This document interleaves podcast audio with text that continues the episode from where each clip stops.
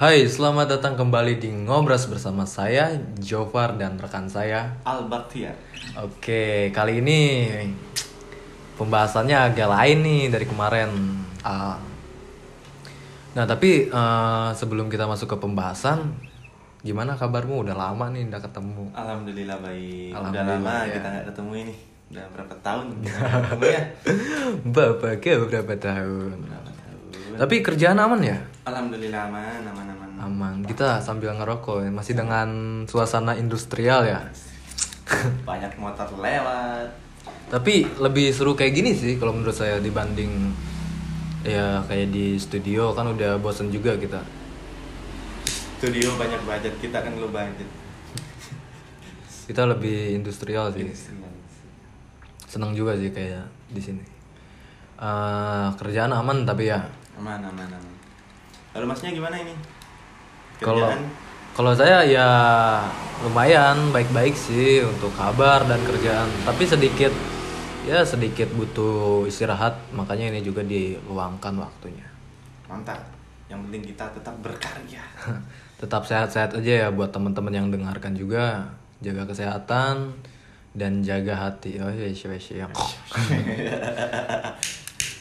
Hati nggak perlu dijaga mas.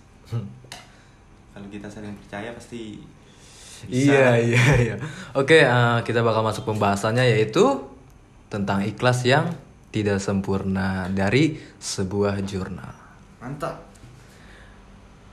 nah tentang ikhlas yang tidak sempurna tuh semuanya tuh nggak mencakup dengan hal percintaan gitu bener gak percintaan, keluarga, Iya. waktu mungkin.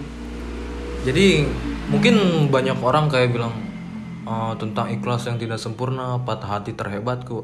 Nah mungkin orang bakal berpandangan kayak sudut pandangnya ya lebih ke wah ini masalah hubungan ah lebay atau gimana. Tapi sebenarnya pembahasan sebenarnya ya pembahasan dari sebuah jurnal itu enggak cuman hubungan atau percintaan. Jadi semua menyangkut menyangkut dari kata-kata itu entah keluarga, ekonomi, kerjaan lah gitu.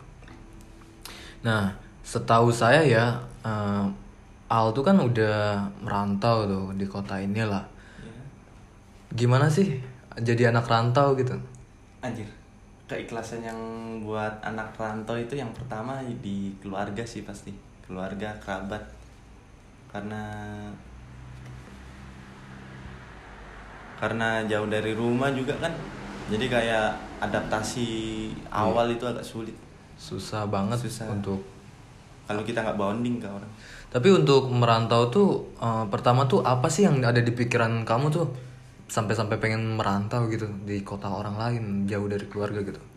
Yang pertama cari pengalaman, karena itu penting untuk kehidupan. Iya Kita belajar mandiri, nggak bergantung sama keluarga, nggak bergantung sama orang lain. Tapi sulitnya ya itu harus mengikhlaskan semuanya. Walaupun nggak sepenuhnya sempurna. Sempurna, kayak merelakan tapi ya nggak sepenuhnya gitu. nggak sepenuhnya. Nah saya juga kan merantau juga gitu ya sama sih kayak suasananya tuh agak lain gitu Agak dibanding- lain pasti. Tapi kalau dipikir-pikir tuh untuk eh, su usia kita ya, ya bagus juga sih udah kayak survive gitu di kota orang lain. Kalau pengen berkembang memang harus merantau kita. Ya. Kalau tetap di sana bakalan kayak gitu-gitu terus. Tapi kan tipikal orang tuh beda-beda kayak misalnya ada orang eh, seseorang tuh kayak susah banget buat jauh dari keluarga. Kayak dikit-dikit rindu, emang rindu pasti sih kayak kangen gak mau jauh dari orang tua lah atau halaman rumah.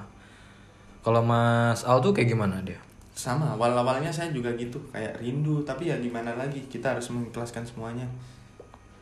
Iya sih. Jadi emang berat ya buat awal-awal merantau tuh. Awal-awal sangat berat. Apalagi saya ke Lombok waktu masih ada gempa Mau berarti tahun berapa itu? 2018 saya. 2018, sekarang 2023 udah 5 tahun. Iya, enggak sih. Udah bisa ngitung kamu ya. 19, 20, 19, 20, 21, 22, 23. Ya bener. Bener kan? 4 tahun sih. Am- hampir lima tahun lah. Iya. Gitu. Berarti pas awal-awal gempa di sini ya? Awal-awal gempa. Saya inget gempa terakhir yang malam tuh itu saya udah ada tiket pesawat dan besok harus berangkat ke Lombok Oh, iya. itu agak anjir berat banget sih tapi ya harus gimana kita profesional Iya profesional. Ya mau gak mau sih. Sebenarnya ikhlas nggak ikhlas ya. ikhlas nggak ikhlas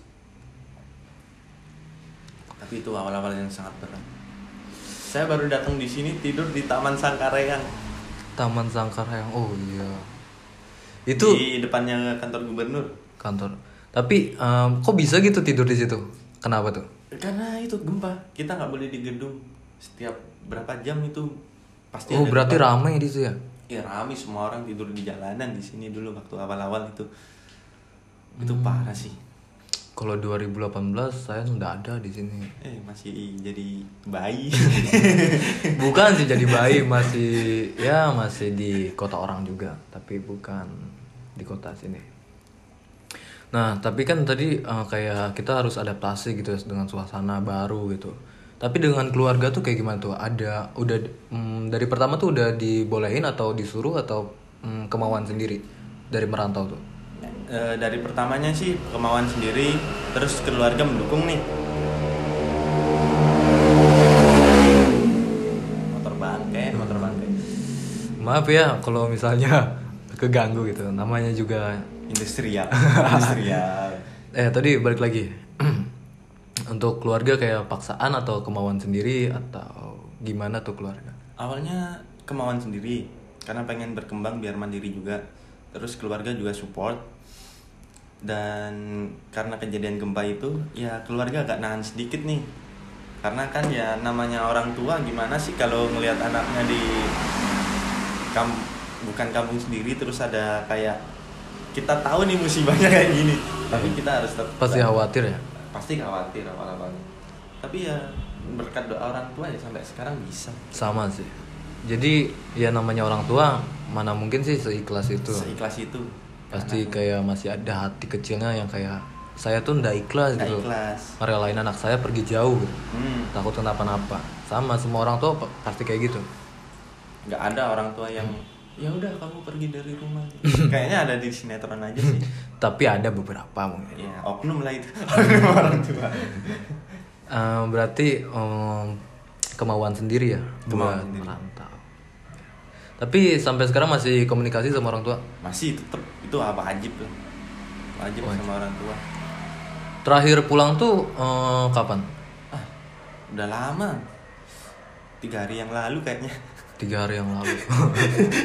Enggak maksudnya pulang ke kampung halaman udah satu tahunan satu pulang. tahun.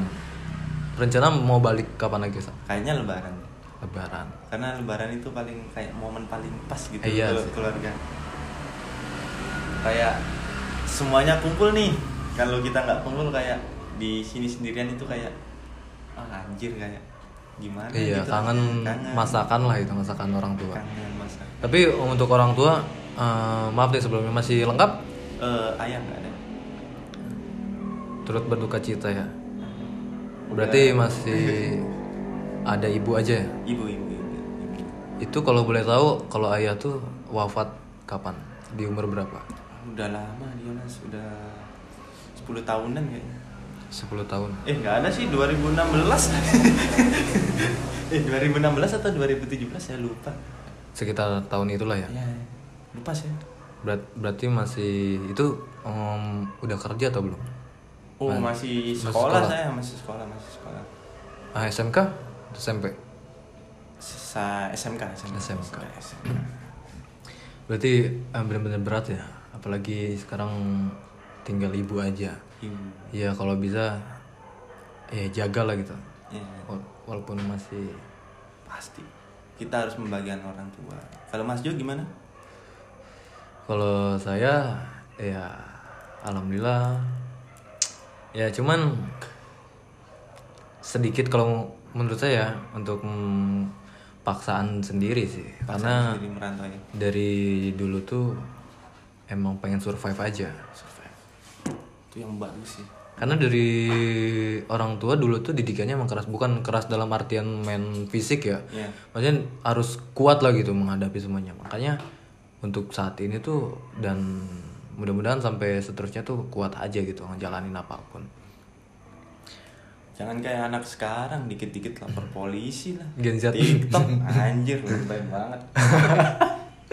tapi eh, ya juga sih kayak anak-anak sekarang tapi ada beberapa loh kayak dia merantau di umur 17 mati Dari party sama orang-orang sini. ya tergantung kita bapaknya gimana kalau di perantauan. Kita kan pendatang kita harus juga tahu. Kita harus dewasa dalam pemikiran nggak bisa kita Iya. nanya gimana gitu. jadi kan ada juga orang tuh kayak yang ngerantau tapi semuanya tuh tentang apa yang dia pengen gitu Iya, ya itu nggak bener itu. Nggak bisa kan. kayak ini itu ini itu ya wawa wewe lah intinya. Hmm. tapi yang menurut saya waktu pertama kali merantau itu suasana tuh susah banget buat adaptasi atau lagi apa apalagi cari temen kayak gitu Iya pasti itu suasana kota orang itu beda-beda soalnya. soalnya gak gampang banget sih buat adaptasi tapi ada beberapa yang cepat adaptasi kalau saya pertama adaptasi di kota orang itu merantau sekitar satu eh dua bulan Dua bulan baru bisa. dua bulan baru bisa adaptasi lah dikit-dikit kayak ngobrol tadinya tuh diem kayak orang sial gitu orang sakit Sama sama. Dan yang paling susah itu waktu awal-awal itu makanan sih. makanan ya? Ma- makanan. Tapi kalau saya apa aja sih dimakan? Maksudnya Iya, suka-suka iya, aja sih. suka-suka aja. Cuman ada beberapa kayak buah-buahan saya ndak suka rambutan. Saya sayur sih. sayur itu. Tapi kalau makanan itu memang setiap orang beda-beda sih. Ada yang nggak cocok makanan kayak daerah mana kan kebanyakan manis tuh. Eh, iya. Ke daerah yang suka pedes itu agak sulit. Iya, emang sulit. sih. Makanan yang paling sulit awal-awal untuk merantau. Ter- Tapi kalau misalnya dibandingkan ya dari suasana halaman rumah sama halaman merantau gitu atau suasana merantau gitu. Saya lebih suka eh, rantau sih. Kenapa saya lebih suka rantau tuh? Ya karena suasananya tuh enak aja gitu. Dibanding emang di halaman rum eh, halaman rumah kita tuh emang Lebih nyaman. Nyaman emang. Lebih nyaman. Tapi ya kalau kita dipikir-pikir ya enak di rantau sih. Apalagi kita bisa kenal banyak orang dan beda-beda orang gitu. Iya iya betul. Bisa freedom. yang biasanya street parent terus bisa freedom itu kayak anjir. Ini baru kehidupan. Bisa nongkrong malam-malam di klub. Enggak sih, enggak di klub kita di masjid. Enggak, Bang.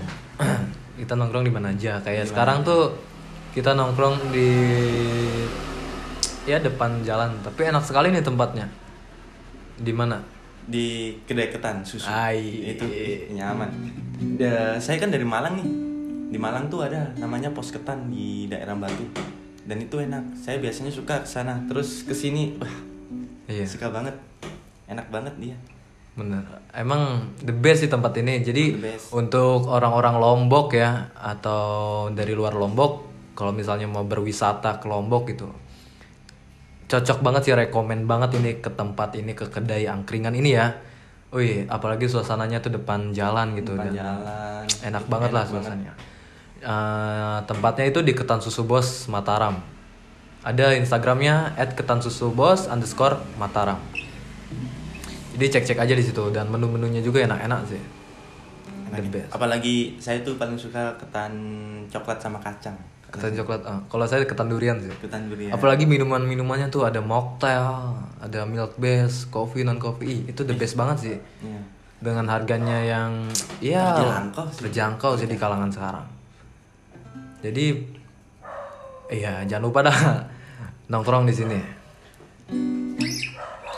Tapi eh, kayak suasana yang apa sih yang Al tuh, Mas Al tuh yang susah banget buat adaptasi pertama tuh. Pertama karena suasana terbiasa di rumah sih ya. Terus tinggal di halaman yang gimana ya? Kayak bukan di rumah gitu. Gimana ya jelasinnya? Kayak bukan ru- rumah tapi bukan rumah. Ah, iya. Tapi benar sih eh, Mas Al tuh kayak eh, ketika kita baru pertama kali merantau tuh, terus kita udah belum bisa adaptasi lah intinya. Bangun tidur, terus kita kayak keinget ada di rumah gitu. Iya pernah pernah. Sering gitu. Itu awal-awal itu sering. walaupun udah lama ya saya merantau tuh. sering dah tiap bangun tidur kayak sering nyari kayak nyari orang tua. Di mana? Eh tahunya masih apa? Sadar lah gitu. Oh masih di kota orang gitu. masih di kota orang. Kadang rindu itu emang bener-bener berat sih apalagi jauh dari orang tua tuh. Kan Dilan bilang rindu itu berat. Ay, kamu nanya? Makanya. apa iya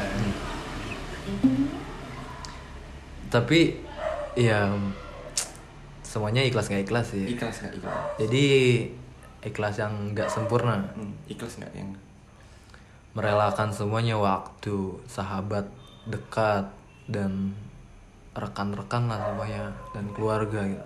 Hubungan itu sulit sekali sih. Oh iya ya Ya, hubungan itu apalagi misalnya kita udah bener-bener jalin hubungan serius lah sama orang yang sekota sama kita lah. Kota dan kita dipaksa buat jauh gitu. Jauh. LDR ya. itu berat. Wih. LDR itu berat. Tapi pernah gak sih kayak eh, dalam hubungan itu apalagi kan merantau ya? Ya. Dan kayak si cewek itu udah nerima buat kita jauh gitu. Awal-awalnya pasti sulit mas. Sulit? Sulit sulit sulit sekali sih. Karena terbiasa-biasa kayak quality time nonton lah makan terus ya cuma sekedar dari layar HP kamu udah makan belum? Kamu udah makan belum? Nanyain doang gofoodin enggak. Itu yang agak sulit. Sulit ya? Iya emang sulit sih. Pernah saya juga kayak gitu. Dan ya mau gak mau kan semuanya juga bukan tentang apa yang kita mau gitu. Iya semuanya. Kita Semua- harus mikirin ke depannya gimana. Pasti ada jalan lah semuanya kayak kata Gojek. Apa tuh? Semua pasti ada jalannya. Kan gitu cuman gini eh apa ya? Emang semuanya apa ada jalannya gitu. Cuman Tuhan emang Tuhan tuh bakal ngasih jalan gitu. Tapi cuman gimana ya lupa saya? Sorry sorry. Tuhan tuh pasti ngasih jalan gitu. Tapi jalannya lagi dicor. Jadi Iya. kita ya pelan pelan dulu aja lah. Pelan-pelan dulu sambil nyari dulu jalannya. Iya. siapa tahu ada jalan pintas kan? Jalan tikus ah. Jalan Ih. emang berat sih kalau misalnya hubungan dan di saat kita merantau. Tapi pernah gak sih kayak Mas Al tuh eh, di saat ngerantau si cewek itu kayak pengen bener-bener ketemu gitu? Pernah pernah. Pernah di posisi kayak gitu. Tapi ya gimana kita harus kerja nggak bisa langsung nuruti semua kemauanmu Iya. hidup nggak kayak gitu. Eh, pernah tuh saya eh, di saat saya merantau dan si cewek itu satu kota dan si cewek itu minta kayak ketemu ayo dong cepet-cepet pulang cepet-cepet pulang dong aku kangen gini aku kangen sama kamu gitu. Ya kata saya semuanya enggak tentang kamu yang Nggak mau gitu. kamu, iya. apa yang kamu mau gitu dan saya juga di sini bukan cuman buat kamu doang gitu buat keluarga Iya, saya dan everything lah gitu. banyak orang yang harus kita hormati hormati mungkin ya Hmm. atau gimana ya Iya. tanggung jawab tanggung jawab kita nggak semua ke tentang kamu aja Dan sampai-sampai si cewek tuh kayak mutusin saya. putusin anjing Tit sensor hai. Iya dia langsung putusin kayak ya entah ya entah dia ada ada yang baru atau gimana gitu. Ya saya ikhlas nggak ikhlas sih. ikhlas nggak ikhlas Ya udahlah ini udah jalannya dan kita nggak bisa melawan takdir. Ya apa boleh buat itu. eh tapi cewek itu biasanya kalau ya kan namanya kayak udah bosen sama kita itu kelihatan loh Tapi kan ada beberapa cewek yang pinter banget nutupin kayak gitu. iya sih iya sih bener ya Banyak ada ndak banyak sih beberapa. 10 lah. Lebih. 12 juta-juta ya dari 100% mungkin 75 persen? Ya segitulah sekitar. Kayak pintar nutupin rahasia dia tentang dia bosan atau enggak nih.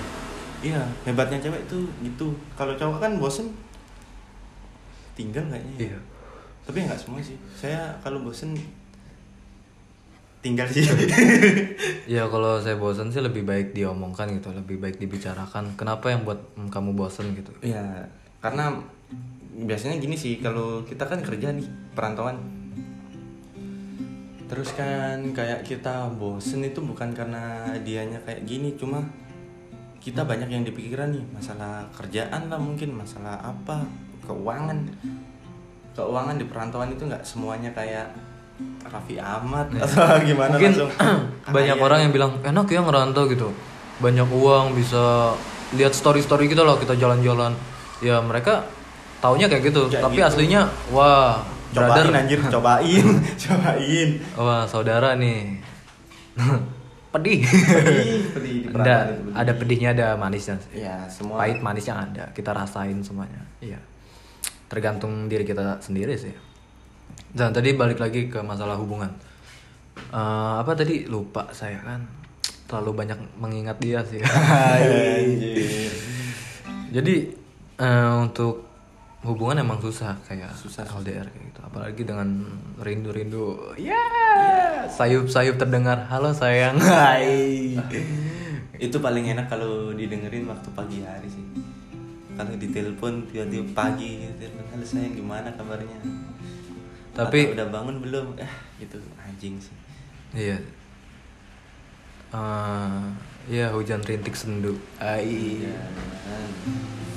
Hujan. gini yang diingat apa sih biasanya Kalau saya sih yang diingat ya, ya apalagi bukan kenangan gitu. kenangan pasti kalau saya hujan itu pasti mengingat waktu naik motor berdua kehujanan itu kayak Langsung sakit. demi kamu ini saya sakit Tapi kalau untuk sekarang sih, saya masih, ya walaupun udah rela tapi ya kelihatannya emang merelakan, tapi nggak semudah itu. Gak semua ada itu. Banyak- Ya kita harus pelan-pelan untuk merelakan seseorang yang nggak bisa buat kita. Kita harus mengikhlaskan semuanya. Tapi, iya ada waktu-waktu tertentu, apa tertentu gitu. Saya selalu ingat dia kayak gitu. Saya biasanya kalau sendirian sih kayak gitu. Wah, Apalagi tiap malam. nih- Iya malam. Biasanya malam waktu sendirian nggak bisa tidur itu. Wah anjir sangi saya. Jadi kayak apalagi jauh gitu. jauh jauh. Itu Kayak selalu nginget gitu. Kapan gitu bisa kembali lagi gitu. Ya walaupun sedikit mustahil sih. Ya, tapi kalau udah habis kayak kita LDR nih ketemu gitu kayak rasanya itu kayak bahagia banget. Bukan main. bahagia banget kayak Nih, sesederhana ini nih kayak bahagia sederhana ini nih saya juga nih ada cerita nih. Waktu pertama kali ketemu saya dengan seseorang yang ya masih saya ingat-ingat gitu. Walaupun dia udah pergi, iya kenangannya masih nempel nih Mas, jadi kayak intinya orangnya udah pergi tapi rasanya tuh masih ada di sini gitu. iya iya saya juga kayak gitu dulu Jadi waktu pertama kali ketemu tuh kita LDR. Ketemu komunikasi ya emang komunikasi pertamanya. Tapi dia bilang kayak anda bisa ketemu dulu.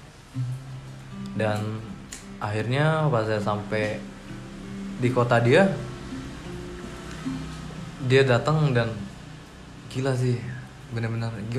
Intinya kayak gua nih orang bahagia di hari ini gitu, paling Iya, bahagia di iya. hari ini dan saya lihat da- nggak nyangka gitu yang tadinya jauh cuman bisa lihat di handphone dan bisa menggenggam tangannya lah sekarang gitu sambil memukul dengan kesalahan-kesalahan dia.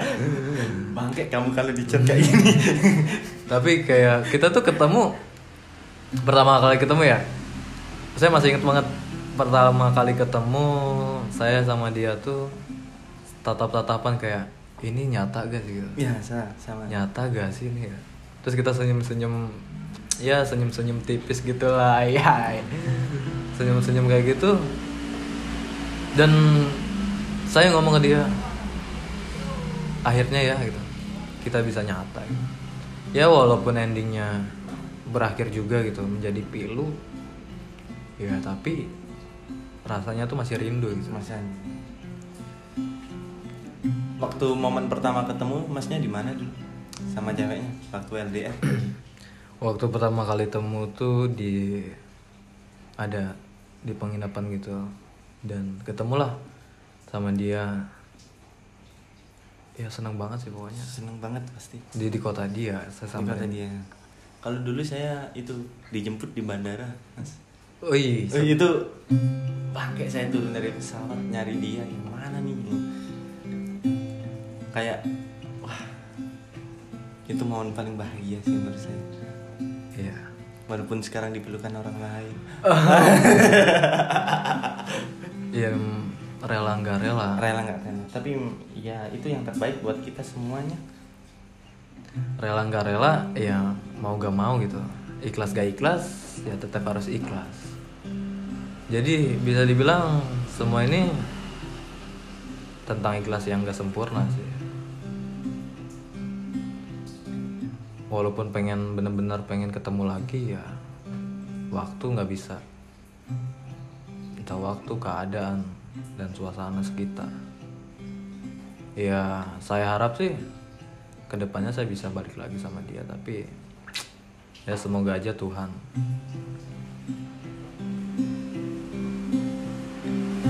Tapi sorry saya potong nih. Kenapa tuh? kenapa nggak cari yang baru? Kenapa harus balik?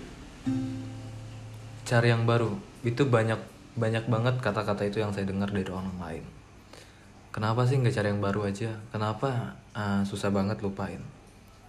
Ini tuh bukan soal tentang baru atau lamanya ya. Tapi rasa kayaknya. Dia tuh pertama datang dia udah membangun suasana hidup. Berisik sekali kursinya. Kursi aja nggak percaya omongan saya. Iya. Bukan soal yang baru atau yang lama. Jadi ini tentang dia yang pertama kali datang dalam dia singgah lah gitu. Dia singgah ketika hujan lebat. Dan saya membuka pintu untuk dia ayo masuk. Walaupun dengan keadaan rumah yang berantakan saya ya walaupun apa walaupun keadaan rumah berantakan ya saya suruh masuk dia daripada dia kehujanan dan sakit. Dan dia masuk dengan senyumnya yang manis dan indah. Raut wajahnya saya silahkan masuk. Ayo masuk jangan di luar. Nanti kamu sakit. Dia masuk dengan keadaan rumah berantakan. Tanpa disuruh tanpa paksaan dari saya dia mem- membersihkan semuanya. Entah itu luka-luka yang dari masa lalu entah itu luka dari keluarga mantan atau semuanya lah dia membersihkan membereskan semuanya sedikit demi sedikit. Dan akhirnya rumah itu kembali bercahaya berwarna. Layaknya rumah baru. Dan itulah yang masih saya ingat. Dia membangunkan semangat hidup saya dari pertama. Ya walaupun dia udah pergi sekarang tapi saya terima kasih banget buat dia. Udah pernah singgah walaupun akhirnya resah.